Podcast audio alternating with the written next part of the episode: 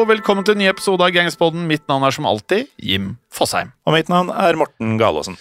Eh, og Vi kan jo starte da, Morten, med å si at eh, på alle spørsmål vi får om hvor alle episodene som ikke havner på iTunes og Spotify er, så er det da i appen Untold, som du kan laste ned både i Google Play Store. eller i eh, Apple Store. Ellers kan du gå inn på Untold.app. ja, Ganske er, selvforklarende Ja. URL, egentlig. hvis du er en av de som på dødelig liv ikke skal ha en app, og så skal høre det uh, utenfor Google og Apple-universet. Ja.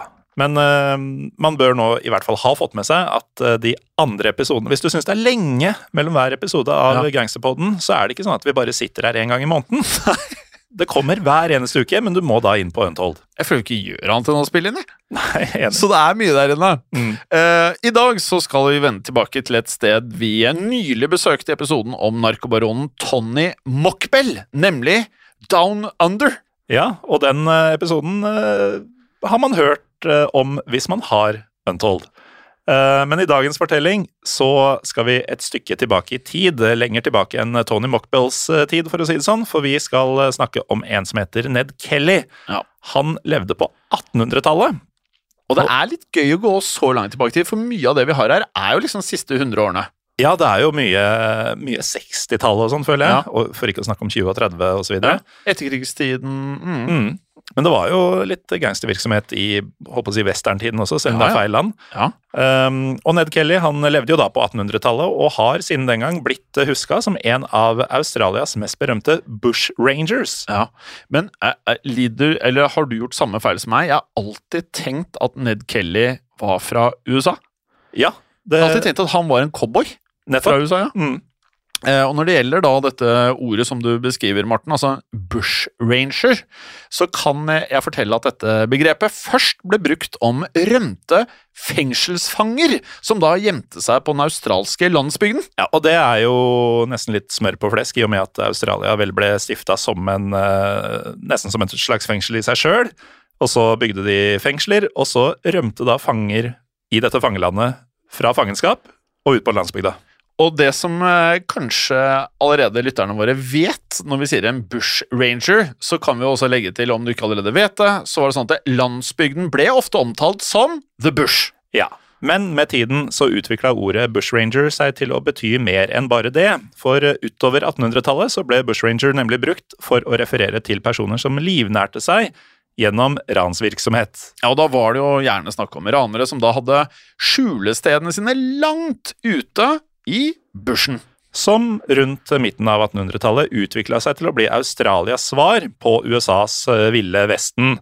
Men eh, før vi prater mer om det, så skal vi starte fortellinga vår i 1841. Det var nemlig året da Ned Kellys far, John Kelly, fikk vite at han skulle sendes til Australia. Og hvorfor det, Jim? Ja, og jeg kan jo legge til at eh, vi blir jo ofte tipset av dere lyttere om hva vi skal prate om, og jeg vet at flere av lytterne våre vet ganske mye om dette, Mm. for eh, Australia var på dette tidspunktet en britisk, da, som du nevnte, en straffekoloni. Nettopp. Og dette innebar jo da at britene ofte da sendte fengselsfanger for å sone straffene sine i nettopp Australia.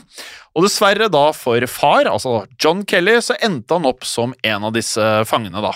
Ja, John kom nemlig fra fylket Tipperary i Irland, men eh, her skal han som 21-åring ha blitt eh, funnet skyldig i å ha Det var en litt annen tid, dette her. I å ha stjålet to griser.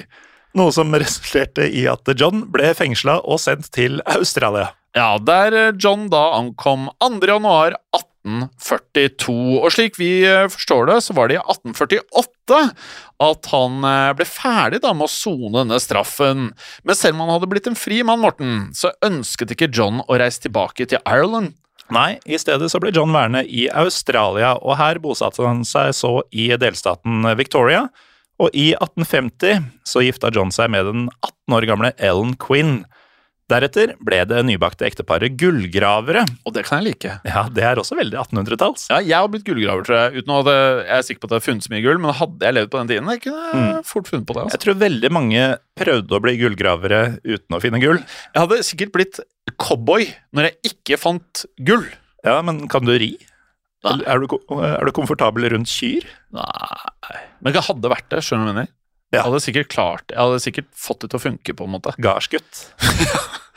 I hvert fall, I løpet av kort tid så hadde John og Ellen tjent eh, såpass med penger på gullgravinga at de fikk kjøpt seg et lite gårdsbruk nord for byen Melbourne. Ja, Og her stiftet da John og Ellen så familie sammen. Det skulle jeg også gjort. Ja. Men jeg vet ikke om jeg hadde fått eh, det, åtte barn. Det vet jeg ikke. Og av disse barna så var dagens mann Edward Ned Kelly det eh, tredje eldste søskenet. Ja, eh, Vi vet at han var nummer tre i rekkefølga der, men vi vet ikke eh, fra noen kilder nøyaktig fødselsdato for eh, Ned. Men, Jeg hadde egentlig blitt overrasket hvis de hadde. Ja, egentlig. Ja.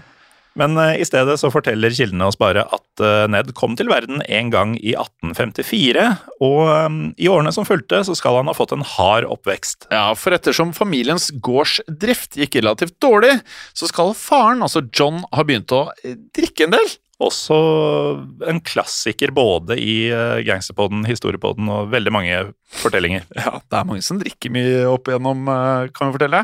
Og I tillegg så skal familien Kelly også ha kommet til søkelyset til eh, det australske politiet, og det måtte vi jo nesten forvente. Det måtte vi forvente. Men nøyaktig hvorfor dette skjedde da, det har vi ikke helt uh, fått vite. Nei, men det vi vet sikkert, det er at eh, familien flytta til en eh, småby ved navn eh, Avenel. Dit flytta de i året 1864, og i løpet av den neste tida utmerka Ned seg da han reddet en lokal gutt fra å drukne.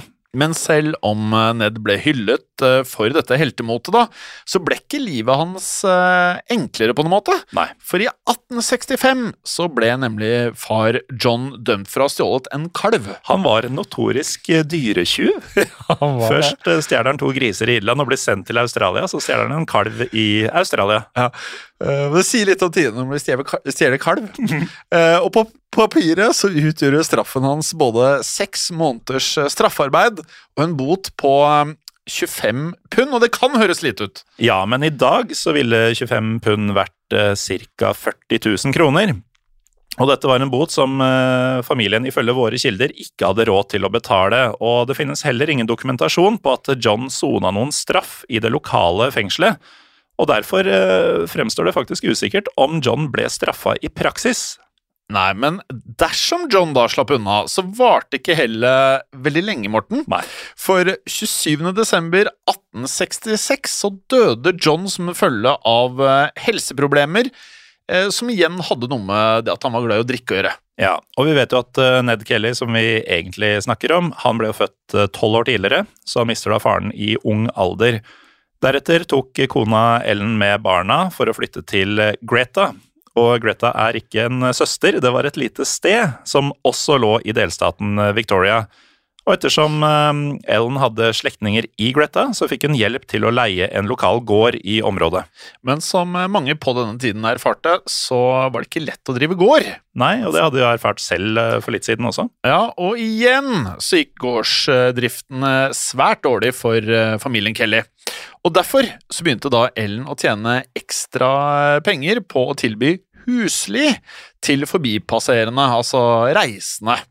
Og som om ikke det var nok, så skal hun også ha solgt litt eh, litt eh, ulovlig alkohol. Ja, Hadde ikke skjenkebevilling. hadde ikke det. Og mens eh, Ellen da livnærte familien sin gjennom nettopp dette, så begynte Ned å ta sine aller første skritt mot å bli en bushranger. Ja, I 1869 så møtte nemlig den nå 14 år gamle Ned en ire ved navn Harry Power. Og i likhet med Neds far John, så hadde Harry blitt dømt for kriminalitet i Irland. Nøyaktig hva Harry hadde gjort eh, seg skyldig i, er uklart, eh, men resultatet var eh, si, powerfult nok til at han ble deportert til Australia. Jeg skjønner hva du gjorde der. Mhm. Tipper lytterne gjorde det samme. Var god. Takk. Eh, og her skulle da Harry etter planen da utføre straffarbeid i et fengsel i Melbourne, men etter kort tid så rømte Harry fra fengselet. Og deretter så fikk Harry hjelp til å skjule seg av et såkalt nettverk av sympatisører. Ja, og dette nettverket av sympatisører det inkluderte da lokale gårdeiere, som eksempel familien Kelly.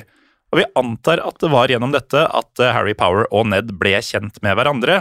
Og da gikk de to tydeligvis godt overens, for i mai 1869 så skal Harry ha blitt en slags mentorskikkelse for eh, Ned. Som nå da faktisk ble med på Harrys plan om å rane en lokal gulltransport. Og It dette her begins. Ja, ja, It Begins, og dette her er jo en film. Ja. Ja, Det er starten på en film, men for å gjennomføre dette ranet av denne lokale gulltransporten, så måtte Ned og Harry først skaffe seg et par hester. Ja, og i familien Kelly så var det jo tradisjon for å skaffe seg dyr på litt uh, uortodoks måte. Ja, for de skulle jo stjele disse hestene, selvfølgelig, fra en uh, lokal mann ved navn John Roe. Men dette tyveriet gikk ikke som planlagt, for eh, John Roe han tok Ned og Harry på fersk gjerning og begynte å skyte etter dem. Dermed så Ned og Harry seg nødt til å flykte for livet, uten hester. Og i kjølvannet av denne fadesen så kutta Ned eh, midlertidig kontakta si med Harry. Ja, og likevel da, så var det jo slik at Ned han eh, fortsatte jo denne ferden ned samme sti som han hadde startet. For i oktober 1869 så eh, fikk han sitt første møte med politiet. Mm. Og dette hang faktisk da sammen med at Ned havnet i klammeri med en omreisende kineser som solgte griser og fjærkre. Ifølge informasjonen som vi har funnet, så het denne kineseren Afok. Og slik eh, Fok gjenfortalte det, så hadde han eh, passert hjemmet til familien eh, Kelly.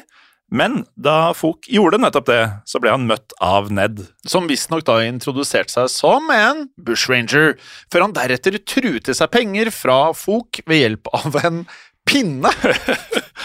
Men eh, da Fok eh, tok anklagene sine til politiet, så endte saken opp foran en domstol, og da fortalte Ned en helt annen versjon av historien. Ifølge Ned Kelly hadde nemlig Fok bedt Neds søster Annie om å få en slurk vann for å slukke tørsten sin. Men da han ba om vann, så skal Fok ha opptrådt nokså ufint mot eh, Annie, noe som da gjorde at eh, Ned forsøkte å tre inn for å forsvare søsteren. Deretter skal Fok ha begynt å slå Ned med en pinne. Ja, det er mye pinner her. Ja, Tror du det i, uh, i kildene våre er, jeg, jeg skulle likt at det var en stokk eller et balltre eller noe med litt mer eh, substans? Ja, altså det er jo stikk som går igjen, og det Ja. kan jo være både håper å si, tjukt og tynt. Eh, vi vet ikke helt omfanget på denne pinnen. Riktig. Og denne versjonen ble deretter bekreftet av både Annie og to bekjente av familien Kelly, Mm. og derfor så ble Afoks eh, anklager mot Ned forkastet. Men på tross av dette så havnet Ned snart i myndighetenes søkelys nok en gang, Morten. Ja, for idet vi tar oss til 1870, så hadde Ned igjen fått kontakt med Harry Power. Tidlig dette året gikk Ned og Harry i gang med det som skulle bli en serie med væpnede ran. Nøyaktig hvilken type ran det var snakk om, det oppgis ikke i våre kilder, men vi forstår det sånn at eh, denne ransbølgen var så omfattende at den fikk betydelig pressedekning. Ja, og gjennom nettopp denne pressedekningen så ble Ned offentlig identifisert som partneren til Harry Power. Og i løpet av våren 1870 så ble Ned derfor sporet opp og også tatt av politiet, og dermed så måtte Ned belage seg på å tilbringe i hvert fall noe tid i fengsel. Men etter å ha sittet noen uker bak lås og slå, så ble det klart at politiet hadde ikke håndfaste bevis mot Ned, blant annet ettersom det ikke fantes noen øyenvitner som kunne identifisere Ned med 100 sikkerhet. Og Derfor endte det med at Ned ble sluppet fri etter disse få ukene, men eh, i tiden etter løslatelsen så fikk Ned nye ting å stri med. I juni 1870 så ble nemlig Harry Power pågrepet av politiet etter å da ha skjult seg på en eiendom som tilhørte Ned sin bestefar, James Quinn. Og da Harry ble tatt, så begynte det å gå rykter om at Ned hadde røpet Harry sitt skjulested til nettopp politiet, noe Ned selvfølgelig da nektet for å ha gjort. Likevel så har det blitt spekulert i at Ned muligens ga politiet noe informasjon. Ja, og det var i hvert fall oppfatninga som Harry Power satt igjen med. Men eh, til tross for dette så har det senere vist seg at eh, politiets eh, hovedinformant ikke var Ned. I stedet så var det Neds onkel Jack Lloyd som til slutt kom med den avgjørende informasjonen. Og dermed kunne Lloyd innkassere en belønning på 500 pund. Vi lærte i stad at 25 pund var mer enn vi trodde. Ja. 500 pund tilsvarer i dag rundt 750 000 kroner. Så nesten en million. Mm. Men da Harry ble arrestert, så fortsatte pressen å vie oppmerksomhet til Ned, og i en artikkel så skrev avisen Benalla Ensign eh, følgende om Harry Powers innflytelse på Ned. Powers har allerede trukket en ung kar inn i kriminalitetens dragsug, og med mindre karrieren hans raskt blir avbrutt, vil unge Kelly blomstre opp til å bli en erklært samfunnsfiende.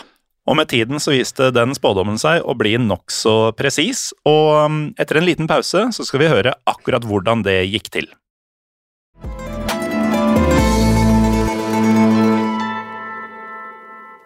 Velkommen tilbake. Før pausen var vi i året 1870, og på dette tidspunktet var Ned kun 15 år gammel.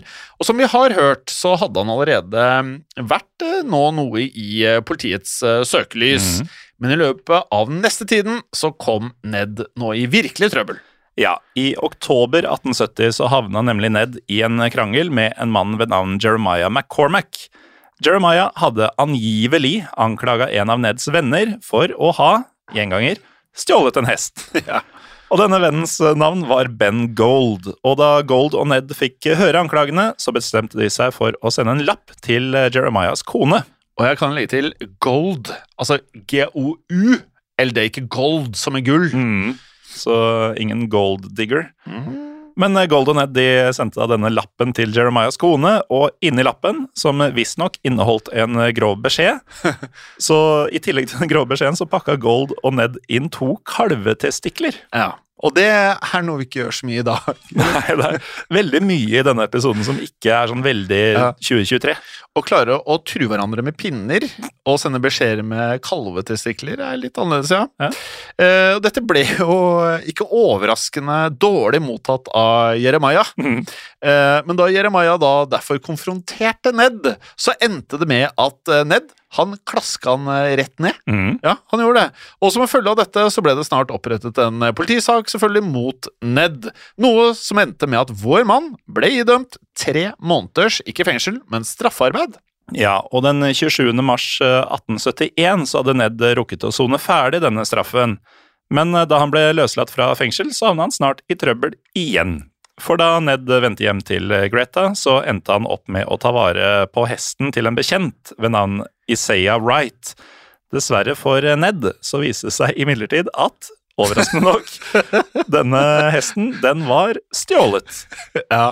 Den 20. april 1871 ble Ned derfor stoppet av en politibetjent, mens han da red på denne stjålne hesten. Du veit, i alle filmer, serier og for så vidt også virkeligheten, så blir man jo stoppet stoppa i stjålne biler. Ja. Og så tar politiet med seg uh, førerkort osv. Og, så videre, og går tilbake og sjekker status på registreringsnummer og sånn, og finner ut hvordan Har de oversikt over alle stjålne hester i Jeg Australien? tror det er sånne brennmerker. Og at uh, de kaller hadde riktig brennmerke, tenker det jeg da. Kan godt være. ja. Uten at jeg er noen ekspert, da. Nei, men Det høres jo veldig ja. logisk ut. Men hadde jeg levd på den tiden, så hadde jeg hatt egne brennmerker og jukset og bare mm. tatt på nye. Ja. Skjønner du? Over det gamle. Mm. Ja, kanskje man, jeg vet ikke hvor Uansett, politimannens navn var Edward Hall, og kildene forteller det eh, slik at eh, Hall han eh, skulle ha i hvert fall forsøkt å pågripe vår mann. Ja, men Ned han gjorde så kraftig motstand at uh, Edward Hall han forsøkte heller å skyte Ned med revolveren sin.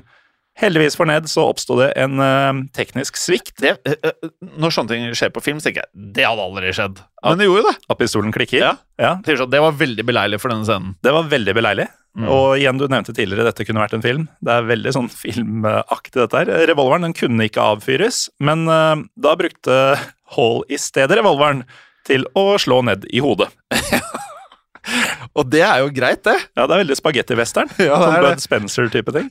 Og dermed så ble jo da Ned satt ut av spill, da, og pågrepet. Mm. Og han ble så da formelt siktet for hestetyveri. Men da det ble klart da at Ned ikke hadde stjålet hesten, så ble siktelsen endret til kriminell besittelse av en hest. Det er mye, mye uvante setninger i dag, Ja, det er det. Eh, dermed så bar det nok en gang i fengsel med Ned, og nå måtte han sone en lengre straff, for det var først etter tre års tid at Ned omsider ble løslatt igjen. Det var nådeløst å være i kriminell besittelse av en hest. Og da hadde Ned en høne å plukke med mannen som egentlig hadde stjålet denne hesten som Ned ble tatt med, nemlig Asaya Wright. Ja, og Derfor så utfordret nå Ned Wright til en såkalt bare knuckle, altså uten hansker, bare knokene. Mm. Eh, eh, boksekamp, altså. Ja, Boksing eh, uten hansker og uten beskyttelse. Ja, ja. Mm. Så vi, men jeg tenkte liksom, hvis du ikke er i ringen, så er det jo bare knuckle alltid. Det er for så vidt sant. Ja. Driver med mye bare knuckle, du, eller? Nei, men det har jo blitt en uh, greie igjen i, uh, i våre dager. Altså Ja. kommersiell bare knuckle fighting. Jeg har faktisk sett på det. Jeg syns det er for heftig. Mm. Jeg klarer ikke å se på det. Og du er jo glad i UFC og sånn. Ja, men her er det, når det er bare knuckle, så bare Det splitter huden, og det er liksom Det er ganske heftig. Ja. Det er det- For det er jo ikke slåssing, det er jo boksing. Det er altså, boksing det er teknisk boksing, og det, det er ikke de mildeste slaga du får inn da. Altså. Alle som ikke har sett MMA, som tenker hva MMA er, det er det bare knuckle er. Mhm. Det er det du tror MMA er. Uansett, denne kampen den fant sted 8. august 1874 på et hotell i byen Beechworth. Uh, og da gikk det jo lite overraskende ganske så hardt for seg her, Morten. Ja, det kan du si, for det var nemlig først etter eh, 20 runder med barhuda boksing at kampen omsider ble avgjort, og det var til slutt Ned som gikk av med seieren. Ja, og det kan si. Jeg har sett tre runder med bare knuckle fighting, og da er ansiktene mer eller mindre disintegrerte. Så etter 20 runder så vet jeg ikke hvordan disse her så ut, uh, egentlig, men uh, etter å da ha hevnet seg på Wright, så holdt eh, Ned en noe lavere profil. Eh, Så de neste tre årene så jobbet han eh, ved en mølle. Mm. Men eh, tidlig i 1877 så falt Ned tilbake til de gamle vanene, og det er jo vi glad for, sånn at vi kan spille inn en spennende episode i dag. Ja. For på dette tidspunktet så hadde nemlig moren hans, Ellen, giftet seg med en amerikaner ved navn ikke Gold, men George King. ja, og sammen med George King så begynte Ned nå med omfattende hestetyveri. I eh, tyveriet så fikk eh, Ned og King hjelp av minst eh, seks andre menn, og disse mennene inkluderte faktisk Isaiah Wright, mm. som Ned tydeligvis hadde fått en bedre tone med igjen etter å ha gått 20 runder i ringen. I tillegg så var noen av de andre hestetyvene medlemmer av en lokal gjeng kalt The Greta Mob, Ja. altså Greta-gjengen.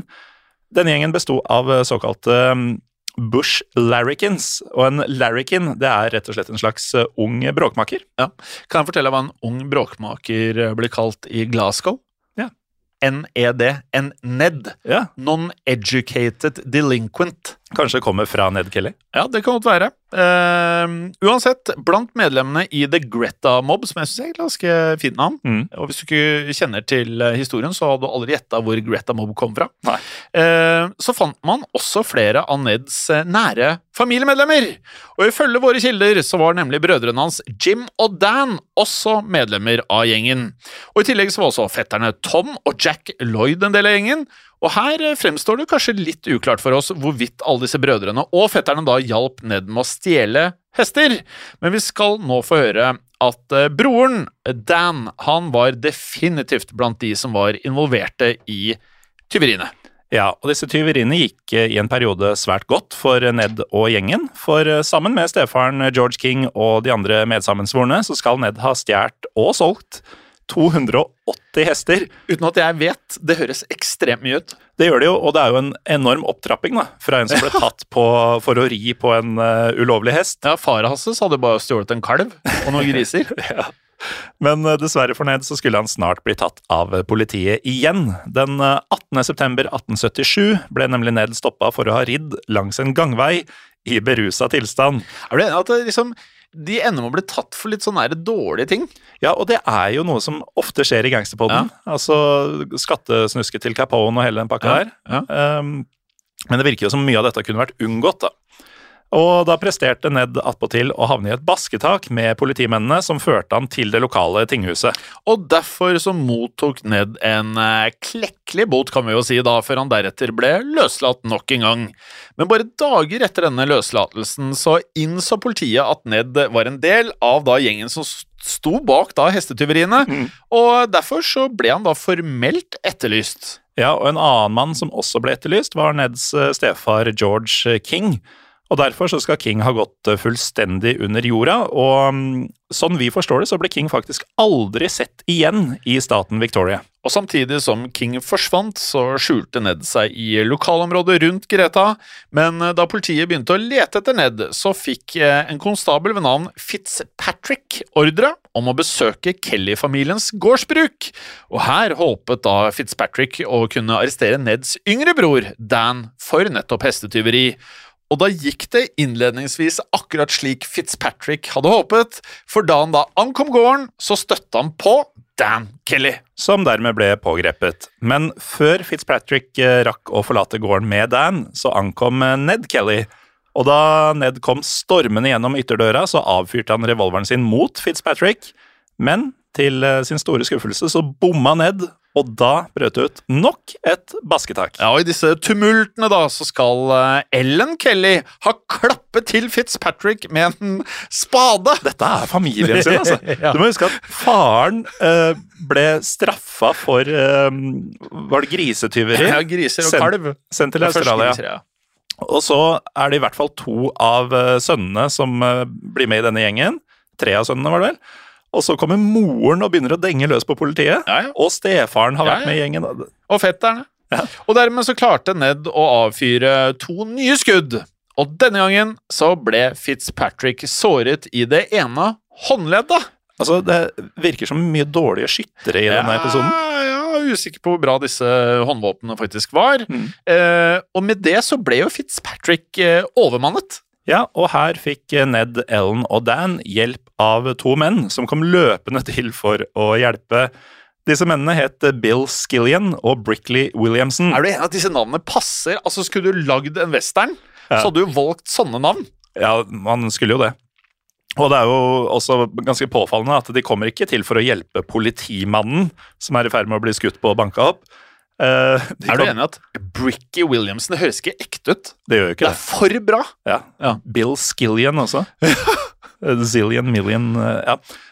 De kom jo da for å hjelpe Kelly-familien, fordi Brickley, nei, Bricky Williamson han var en av Kelly-familiens naboer, mens eh, Bill Skillian han var svogeren til Dan Kelly. Selvfølgelig var han det, og deretter var spørsmålet hva som nå skulle gjøres med konstabel Fitzpatrick. Og da ble det til slutt slik da at Kelly-familien valgte å slippe Fitzpatrick fri, og det overrasket meg litt. Meg òg. For eh, da de hadde stelt eh, såret hans, så forsøkte familien å true Fitzpatrick til å la være å rapportere alt som hadde skjedd. Ja, og deretter ble Fitzpatrick eh, sendt av gårde igjen med hesten sin, og i løpet av kort tid så vendte han tilbake til politistasjonen. Og her valgte selvfølgelig Fitzpatrick å oppgi sannheten om hvordan han hadde blitt angrepet. Resultatet av det var at Ellen Kelly, Bricky Williamson og Bill Skillian ble arrestert, før de så ble dømt for medvirkning til drapsforsøk. For sin deltakelse så fikk Ellen tre år straffarbeid, eh, mens Williamson og Skillian fikk eh, seks eh, år i fengsel hver seg. Høres ikke så I westernfilmene så virker som de ofte ble hengt. Ja, det er uh, heng først og spør etterpå, Ja, egentlig. men det er i USA, da. Det er- det er det, Amerikas. Ja. Uh, og ikke en straffekoloni. Nei. Eh, Men når det gjelder Ned og Dan, så kan jeg fortelle at begge brødrene klarte å gjemme seg for politiet. Og i løpet av kort tid så fikk brødrene selskap av to venner ved navn Steve Hart og Joe Byrne. Noe som ble starten på det som huskes som The Kelly Gang, og det trenger vel ingen nærmere oversettelse. The Kelly Gang er ganske kult navn. Det er det, Ja. og jeg vil tro at de er hardere enn The Kelly Family, hvis jeg du husker dem fra topplistene på 90-tallet. Eh, Husker det jeg, mens eh, Neds nye gjeng da gjemte seg i det som het Og dette høres også ikke ekte ut Bullock Creek. Altfor perfekt Ja, det er så perfekt! Så begynte de da å tjene penger på å fremstille whisky. Det Ja. høres også uh, made ut. Ja, og det må jo ha vært i sånne eiketønner med x antall x-er på, holdt jeg på å si. Avhengig av hvor sterk den var. Ja, og jeg, jeg tror den var ganske sterk, ja. Mm. Jeg tror ikke det, ja. Og på toppen av dette så fikk de også hjelp eh, fra lokale sympatisører, og derfor så hadde nå gjengen god oversikt over alt som rørte seg nettopp rundt Bullock Creek, eh, noe som skulle komme svært godt med. Ja, for i oktober 1878 så ankom fire politimenn Bullock Creek på leting etter gjengens eh, skjulested.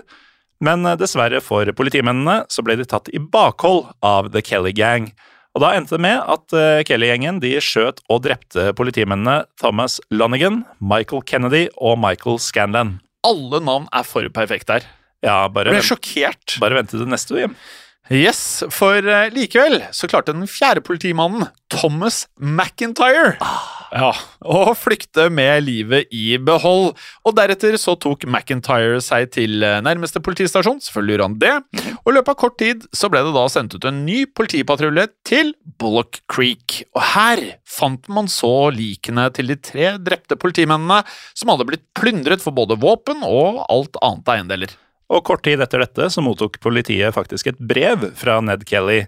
I dette brevet så hevda Ned at, eh, og dette er kanskje vanskelig å selge inn når du har vært med å drepe tre politimenn, Det er veldig vanskelig. at han hadde handla i selvforsvar. Men ifølge Thomas McIntyre så var det Ned og gjengen hans som hadde angrepet politimennene først. Og dermed så ble Kelly-gjengen formelt erklært som outlaws, altså lovløse.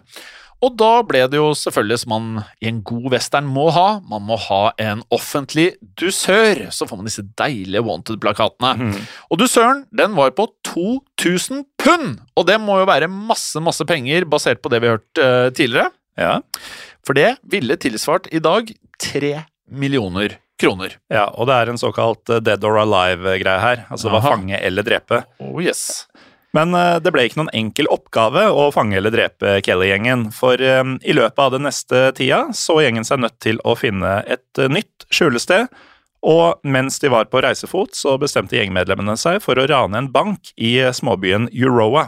Ja, der Kelly-gjengen da tok en rekke gisler, før gjengmedlemmene da forlot den lokale banken med 2260 pund, mm. noe som tilsvarer selvfølgelig mer enn de nevnte tre millionene, rundt 3,5 millioner kroner. Og i ukene etter dette ranet da, så sendte Ned så et nytt brev, og dette, dette er stil, altså. Ja. Nytt brev til de australske myndighetene. Ja, og I dette brevet så anklagde Ned politiet både for korrupsjon og for å ha trakassert familien hans. Eh, det er noe med virkelighetsoppfatninga her, eh, ja. føler jeg.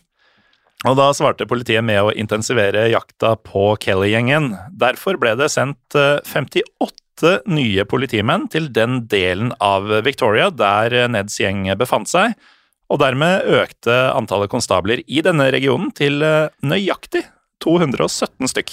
Og hadde historien endt her, mm. så hadde dette vært en vill historie. Ja. ja. Men det endte jo ikke her. Nei, det kommer mer. Ja da, for eh, nettopp på denne måten, med å da sette inn såpass mange mann, så ble det mulig for politiet å uh, ja, ha ekstra vakter i forskjellige banker i området, noe som da på ingen måte hindret Ned fra å planlegge et nytt bankran. Denne gangen så var målet en bank i byen Ge- Geraldry. Ja. Og i uh, Geraldary um, kan Det skrives J-E-R-I-L-D-E-R-I-E. Ja. Geraldry. Gerilderiet. Ja. Eh, I hvert fall der slo Kelly-gjengen til den eh, 10. februar 1879, og da gikk de til verks utkledd som politimenn. Genialt. Ja, det er eh, freidig, altså. Det hadde jeg gjort. Eh, Og det gjorde det jo enklere å ta seg inn i banken uten å vekke mistanke.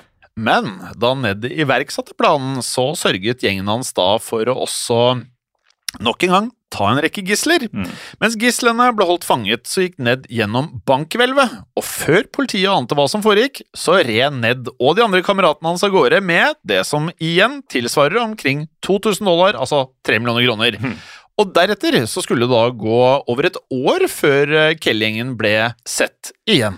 Men eh, selv om Ned ikke ble sett, så sørga han for å bli lest, for eh, i tida etter bankranet i Geraldary så sendte han nemlig nok et brev til myndighetene, og i dette brevet hevda Ned igjen at familien hans hadde blitt utsatt for trakassering av eh, politiet. Nå sa du det stedet litt for bra. Unnskyld. Hæ? Jeg kan ikke annet enn å beklage. Ja, ja. Eh, Men i tillegg til eh, anklagen om trakassering, så klagde Ned også over det han mente var myndighetenes dårlige behandling av fattige gårdseiere. Mm. Så er jo politikk oppi dette her også. Og i møte med politiets eh, påståtte maktmisbruk, så mente Ned at han hadde rett til å gjøre opprør mot staten. Ja, og for å understreke hvor mye han da foraktet det lokale politiet i Victoria, så sørget Ned for å beskrive politiet som store, stygge, feithalsete, wombat-hodete, stormagete, fuglebeinte, smalhoftede, spaltefotede sønner av irske fogder eller engelske jordeiere. Hva som var eh, negativt og positivt å være, har tydelig forandret seg med årene. Ja, dette var en utrolig gammeldags måte å raljere på negativt vis på. Hvor lite lei deg hadde du blitt hvis noen hadde kalt deg for en smalhoftet engelsk jordeier? Eh, Det, det hadde ikke gått sånn veldig hardt inn på meg, egentlig. Nei. Irsk fogd, da? Ja, nei, det, jeg hadde tatt det på strak arm. Altså. Ja, ja. Men eh, nok en gang så svarte de australske myndighetene med å intensivere jakta på Kelly-gjengen, og derfor ble den utlovede dusøren eh, for å ta gjengen, død eller levende, nå økt til Endelig skal vi si noe annet enn 2000 pund, 3 millioner kroner. Den ble økt til 8000 pund, som i dag tilsvarer en god del over 8 millioner kroner. Og det som slår meg da, dette her er jo da mer enn alt det vi har prata om til sammen. Det er sant. Mm. Så idet vi da spoler frem til 1880, hadde politiets eh, jakt på Kelly-gjengen likevel ikke gitt noe særlig til resultater. Men i juni 1880 så mottok politiet Victoria en rapport fra en informant ved navn David Kennedy. Og Kennedy han hevdet da at Kelly-gjengen hadde laget skuddsikre rustninger. Og disse her, Morten, har jeg googla eh, ganske mange ganger, mm. faktisk, for jeg er veldig fascinert av disse. Eh, og disse var laget da av jordbruksutstyr. Jeg skjønner googlinga. Ja. Eh, og disse rustningene planla gjengen da visstnok å bruke til å gjennomføre enda et bankran. Likevel så avviste politiet Kennedys påstander som eh, useriøse. Derfor fikk Kennedy sparken som politiinformant. Tenk deg å få sparken som informant når de egentlig leverer ok med info, da. ja, ok er å Ja. underdrive, Ja. for eh, som vi skal høre, så skulle Kennedys informasjon vise seg å ha noe for seg. Ja, Men før politiet innså dette, så opplevde de da å miste en annen hemmelig informant. Det dreide seg da om et medlem av The Greta Mob ved navn Aaron Sherritt. Fantastisk navn. Ja, Ja. Men ikke det beste i dag. Nei, ikke det beste. Som vi allerede har nevnt, så hadde The Greta Mob eh, nære forbindelser til Kelly-gjengen. Blant annet da ettersom Neds brødre Jim og Dan begge var medlemmer av The Greta Mob. Og da det spredte seg rykter om at Sherritt var en hemmelig politiinformant, så reagerte derfor Kelly-gjengen kraftig. Til slutt bestemte Ned seg for å ta livet av Sherritt. Om kvelden den 26. juni 1880 så oppsøkte Kelly-gjengen huset til Sherritt, og da gjengen banka på ytterdøra hans, så var det Sherritt selv som åpna døra. Som deretter da ble skutt og drept med en hagle av Joe Byrne, altså en av eh, Kelly-gutta. Mm. Og dette skjedde da til tross for at det var fire politimenn i huset til Sherritt. Det er ikke alltid man har Man tenker ikke liksom stealth og, og forensics her. Her er det rett og slett å bare plaffe i vei. Mm. Men selv om politimennene var der for å beskytte Sherritt, så ble politimennene så overrasket av situasjonen, eh, og det virket vel sikkert utenkelig for at dette skulle skje, så de endte opp med å gjemme seg på Sherritt sitt soverom. Ja, og det er jo absurd nok, men eh, jeg kan jo også si at politimennene de gjemte seg på dette soverommet helt fram til neste morgen. Og Altså her, det er ofte vi sier sånn, vi hadde ikke turt sånn, og vi hadde ikke klart det. Vi hadde ikke gjort noe dårlig jobb enn det, eller? Nei, det er kanskje svakeste politiarbeidet jeg noensinne har ja, hørt om. Ja, det var svagt. Det var dårlig. Uh, og da disse omsider turte å gå ut av huset neste morgen, så kunne politimennene konstatere at Ned og gjengen hans selvfølgelig for lengst hadde ridd av gårde. Men selv om Ned hadde kommet seg unna nok en gang, så regna han nå med at eh, politiet ville sette inn alt av ressurser for å fange han. Og det viste seg å være en god antakelse, dette, for allerede neste dag så bestemte politiet i Melbourne seg for å sende et tog med 13 politimenn for å fange Kelly-gjengen. Men da toget ble sendt av gårde, så fikk Ned nyss i disse planene, og derfor så bestemte Kelly-gjengen seg for å ta toget i bakhold, mens det da kjørte gjennom småbyen Glen Rowan. En by som per 2021 hadde 1049 innbyggere, så ikke rare greiene. Ja, Det var ikke rare greiene, og derfor var det antagelig langt færre beboere i Glen Rowan da Kelly-gjengen rei inn i byen. Men eh, med det sagt så tok Ned et eh, tosifret antall gisler da gjengen hans tok kontroll over den lokale jernbanestasjonen. Og deretter så var planen hans å sprenge jernbaneskinnene under polititoget når det ankom. Det er nesten så man ikke tror det er, er sant. Det er jo eh, Jeg tror jeg brukte ordet freidig tidligere i dag, men Ja, det, det det, er noe veldig framoverlent. Ja, ved at, uh, Veldig. De skal sende mer politi. Ja. Da sørger vi bare for at de aldri kommer fram. Ja, ikke sant? Det er smart, det. Men til eh, Neds skuffelse så fikk eh, politimennene på toget informasjon igjen. Så her er litt sånn der, eh, som prater mye om i spionpodden, hvis, Mm. hvis dere har hørt om det. Altså dobbeltagenter. Til slutt vet man ikke hvilket land de spionerer for. Så var det sånn at politimennene på toget de fikk informasjon om at Ned planla å sabotere jernbaneskinnene. Hvordan denne informasjonen ble formidlet, er noe uklart, men vi vet at resultatet ble at toget stanset før Ned klarte å sprenge det. Deretter så gikk da de nevnte 13 politimennene inn i Glen Rowan til fots. Og med det, Morten, så var nå scenen duket for en klassisk konfrontasjon mellom Kelly-gjengen og politiet. Ja, og da dette toget aldri kom, og Kelly-gjengen innså at politimennene likevel var på vei, så bestemte de seg for å forskanse seg i et lokalt eh, hotell. Og på innsida av dette hotellet så hadde gjengen eh, flere gisler, uten at vi vet hvor mange det er snakk om. Altså, virkeligheten er sykere enn fiksjon. Ja, alltid. Nok en gang. Og eh, videre, da, så etter at disse gislene fikk beskjed om å legge seg på hotellgulvet, selvfølgelig fikk de det, så hørte de plutselig lyden av metallgjenstander som da dunket mot hverandre. Og lyden den kom fra et bakrom i hotellet, der Ned var travelt opptatt med å iføre seg denne hjemmelagde rustningen, da. Ja, det, det må ha vært litt av et spetakkel. Eh, For slik eh, informanten David Kennedy tidligere fortalte politiet, så hadde jo Kelly-gjengen eh, lagd seg rustninger av jordbruksutstyr. Og til alle dere som hører på nå, jeg regner jo med at 90% av dere hører på mobiltelefonen og har plugger i ørene. Ta så Google Ned Kelly og rustninger. Jeg har gjort det nok ganger, men dere må, dere må ha det i barken når dere hører på dette her, altså. Er det Ned Kelly Armor du burde søke på da, eller? Ja, gjør det. Og hvis ikke, søk noe annet. Ned Kelly Armour, ja. Gjør det. Ja. Eh, I hvert fall på med disse rustningene så håpa gjengmedlemmene å beskytte seg mot kuler. Og um, for å beskytte hodene sine så iførte Kelly-gjengen seg også hjelmer av jern, som jo ikke var en nyskapning på denne tida. Men slik at eh, det skulle være mulig å bevege seg, så var det ingen eh, gjengmedlemmer som hadde rustning på beina. Nei. Eh, Så det er jo ganske mye åpent område her. Likevel, da, til tross for at dette bare er hode og overkropp, så kom eh, den totale vekta på hver rustning på ca. 44 kilo. På en måte så var de tidlig ute. Eh, på en annen måte så var de sent ute. Mm. Eh, du, har- jo riddere som hadde rustning. Samtidig så tror man jo i dag at sånn kevlar-vester og mye av dette er helt, helt nytt, men tanken kom jo herfra, da. Mm. Med det sagt så stilte Kelly-gjengen seg nå opp ved en veranda utenfor hotellet, og ja, sånn dere tenker at dette var, er sånn det var. Eh, Som nevnt så besto gjengmedlemmene av Ned og broren hans Dan, i tillegg til de da to kompisene Steve Hart og Joe Byrne. Datoen for det hele 28. juni 1880, og da politimennene nærmet seg hotellet, så var klokken Det var ikke dagtid, for det var det jeg hadde trodd. Det var om natta. Ja. 03.00. Man skal jo snike seg inn i mørket her, men eh, det var jo måneskinn. Og på grunn av det så fikk Kelly-gjengen øye på konstablene som kom gående. Og Derfor så åpna gjengen nå ild med revolverne sine, og da politiet skjøt tilbake, så starta en eh, skuddveksling som varte i et kvarters tid, altså 15 minutter lang. Um, I løpet av disse 15 minuttene så ble det avfyrt opptil 150 skudd. Jeg synes det var litt lite. Ja, 10 skudd i minuttet. Jeg holder ikke Og det er fire mot 13, altså det er Ja. 17 personer. Som, ja. Mm. jeg velger å tenke at det var mer, jeg. det må jo ha vært det. De kan jo ikke vite, det er ingen som satt og talte 150 skudd.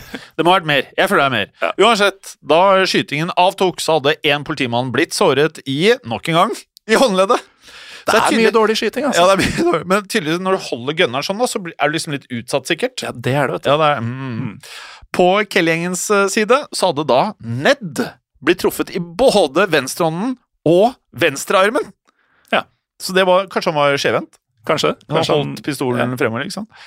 I tillegg så hadde Ned eh, da fått et skuddsår i høyrebeinet, og der vet vi jo de var utsatt. Ja, rustninga strakk jo ikke dit. Og samtidig så hadde gjengmedlemmene Joe Byrne blitt skutt i ett av beina, noe som fikk, eh, fikk Byrne til å trekke seg tilbake til innsiden av hotellet. Og her kunne Byrne konstatere at tre gisler også hadde blitt dødelig såra i dette kuleregnet.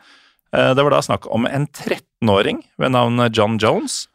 Og to menn eh, ved navn Martin Cherry og George Metcalf. Vi har jo pratet om MMA tidligere. Tidenes beste MMA-fighter er jo en som heter John Jones. Riktignok her er det skrevet med J-O-H-N. Navnet Mm. hans skrives J-O-N. Uansett, da. Det ble til slutt en pause i eh, skytingen, og da klarte en rekke av eh, de overlevende gislene å rømme. Samtidig som dette foregikk, da, så snek en eh, såret Ned seg ut i buskene på baksiden av hotellet. Og mens eh, Ned da gjemte seg mellom disse buskene, så mottok eh, politiet nok en gang forsterkninger, og til slutt så skal Kellingen ha måttet hanskes med opptil 40 politimenn. Og dermed ble hotellet der Dan Kelly, Joe Byrne og Steve Hart nå forskansa seg, åstedet for en beleiring som varte til godt utpå morgenkvisten. Og um, gjennom timene som denne beleiringa varte, så skal det ha brutt ut eh, sporadiske skuddvekslinger. Og da klokka var ca. fem om morgenen, så ble Joe Byrne også dødelig såret. Idet han var i ferd med å utbringe en skål i hotellbaren, som jo er helt normalt under en beleiring, så ble nemlig Byrne eh, plutselig truffet i skrittet av en kule. Og det er eh, en bedre treffer enn håndleddet. Også sånn du ikke tror er mulig. Mm. Etter en skuddveksling i to timer, så skal han skåle. uh, uansett, to timer til fremover i tid. 07.00 så bestemte Ned seg for å gå på offensiven. Og nå må vi huske på at de har holdt på i fire timer, og mange av de blør. Ja, han har jo blødd fra både høyrebeinet og venstrearmen og venstrehånda i disse fire timene. Og noen blør fra et annet sted også. Mm. Og utstyrt med en eh, revolver i hånden, så kom han derfor stormende, akkurat sånn dere tenker, ut av buskene, mens han da fyrte løs mot politiet. Ja, og det har blitt sagt at han hadde en i hver hånd, faktisk. Ja, ja. Eh, og selv om politimennene traff ned i brystet flere ganger, så prellet kulene selvfølgelig av eh, rustningen hans. Det funka. Ja, om det funket, ja. Uh, og dessuten, det, er det som slår meg. Hadde jeg vært en av politimennene og sett ned denne rustningen, hadde blitt livredd. Hadde løpt. Hadde løpt. Hvis de var redde i det der huset og de gjemte seg inn på et rom, Mhm. her hadde jeg løpt. Og Derfor så forsøkte Ned å bevege seg sakte, men sikkert tilbake mot hotellet, samtidig som broren Dan og kompisen Steve Hart også åpnet ild mot politiet. Men etter i underkant av 30 minutter med skyting, så ble Ned omsider felt av to hagleskudd som traff de ubeskytta beina hans. Og da Ned gikk ned for telling, så ble han straks fanga av politiet. Deretter ble Ned båret til den lokale jernbanestasjonen, hvor han så fikk behandling av en lege. Samtidig da så bestemte politiet seg for å brenne ned hotellet der Dan Kelly og Steve Hart fortsatt holdt stand. Da har du fått nok. Da har du fått nok, eh, og jeg skjønner eh, på sett og vis eh, at de gjorde dette her. For, og da før hotellet ble satt fyr på, så hadde Dan og Steve heldigvis da sluppet fri de siste 30 gislene, som da var på innsiden. Men da brannen startet, så nektet Dan og Steve å overgi seg, og derfor så ble de værende på innsiden av hotellet mens det rett og slett brant helt ned. Og da politiet gjennomgikk ruinene få timer seinere, så fant man de brente likene av både Dan Kelly og Steve Hart, og dermed var det jo blitt satt en mildt sagt brutal stopper for The Kelly Gang. Men likevel så ble det endelige punktumet først satt da Ned Kelly ble stilt for retten. Altså ganske hard når du velger å, å bare være inne i flammene der istedenfor å gå ut. Det er jo en hard gjeng, da. Altså, vi må huske Ja. at Ned Kelly før han gikk på dette motangrepet, hadde blitt skutt eh, tre steder, Ja. og så ble han skutt med hagle i beina. og han lever til å se rettssaken. Nei, det er andre tider, ja. Eh, for da Ned eh, kom til hektene fra skadene sine etter hvert, da, så ble han ført foran en domstol i Melbourne. Og rettssaken mot Ned den startet 19.10.1880, og da ble Ned tiltalt for å ha skutt og drept de tidligere nevnte politimennene Thomas Lonningen og Michael Scanlon. Og da dommen falt, så ble Ned funnet skyldig og dømt til ikke straffarbeid, ikke fengsel, men westernklassikeren henging. Da dødsdommen ble kunngjort, så avslutta dommeren med ordene Måtte Gud vise nåde over din sjel. Noe som gjorde at dommeren fikk følgende respons fra Ned. Jeg vil gå litt lenger enn som så, ved å fortelle deg at uh, vi ses der jeg nå skal. Og da er det grunn til å anta at han mente at uh, jeg ser deg i helvete, dommer. Er nok det han mente. 11. november 1880 så ble dommen så fullbyrdet. Denne dagen ble nemlig den 25 år gamle Edward Kelly henrettet i Melbournes lokale fengsel. Titt deg, 25 år bare. Mm. Mhm. Jeg rakk å oppleve en del. Oh yes, Og når det da gjelder hans siste ord, så er kildene noe uenige, men det har blitt hevdet at Ned sa følgende idet han ble hengt. sånn er livet. Og med det så er vi ved veis eh, ende, men eh, dersom noen av dere som hører på er sultne på mer stoff om Ned Kelly, så må man jo selvfølgelig google, som Jim har anbefalt, men vi har også et filmtips. Eh, det er da filmen som rett og slett heter Ned Kelly fra 2003, hvor ikke ukjente, og også i likhet med Ned Kelly, en avdød australier, Heath Ledger, mm. spiller Ned. Ja, jeg må se den på nytt. Jeg så den i 03, mm. og det er en stund siden. Det er en stund siden. Det er 20 år i disse dager. Ja, det er meget. Uh, vi har en eh, gangsterlåt eh, denne uken også. Eh, en av de artistene jeg hører mest på om dagen, nemlig Colter Wall, med en sang som heter Kate McCannon. For at den Det er kanskje litt sånn der amerikansk cowboy, men jeg føler at det vi har vært gjennom i dag, kunne like godt vært i USA. Ja, det kunne det, altså. Jeg trodde jo det var det før vi skulle lage episoden. Jeg trodde alt om Ned Kelly var fra USA. Så feil tok jeg. Hvis man hadde hatt teknikken da, til ja. å bytte ut lydord, sånn som man ville hatt i et Word-dokument, f.eks., ja. og bare erstatta f.eks. Victoria med Texas og Melbourne med Dallas ja. osv. Man hadde ikke merka noe. Jeg er helt enig med deg. Folkens, jeg håper dere likte dette her. Ønsker dere mer av ja, det her er jo en meget god episode, men vi har mye annet som er eh, eh vel så bra i ikke bare denne podkasten, men også i Historiepodden, Historiepodden andre verdenskrig, Spillpodden, True Crime-podden. Er mange podkaster blitt i Frøktelig appen mange. Untold, ja. Mm. Mm, mm, mm. og så har jo vi eh, en uh, ny godsak som er på vei inn i Untold, ja. nemlig samlingen av Japan. Ja, der er det altså like mye som denne episoden var full av klassisk western-opplegg så er det Altså, det er ninjaer, det er samuraier, det er uh, rituelle selvmord. Det er, Mye ja. rituelle selvmord. Alt du forbinder med japansk middelalder. Masse av noe vi har lite av. Ære. Ja, Stolthet. Uh, er egentlig ganske spennende, mm. og ikke det jeg trodde det skulle være. Nei. Nei. Folkens, rate oss eh, gjerne på iTunes og Spotify. Hør på oss i Untold. Dere kan nå få 30 dager gratis prøveperiode. Så høres vi der inne. Det gjør vi. Eh, men Jim, ja. Ikke sov med fiskene. Men holde gangster. Ha det bra. Ha det.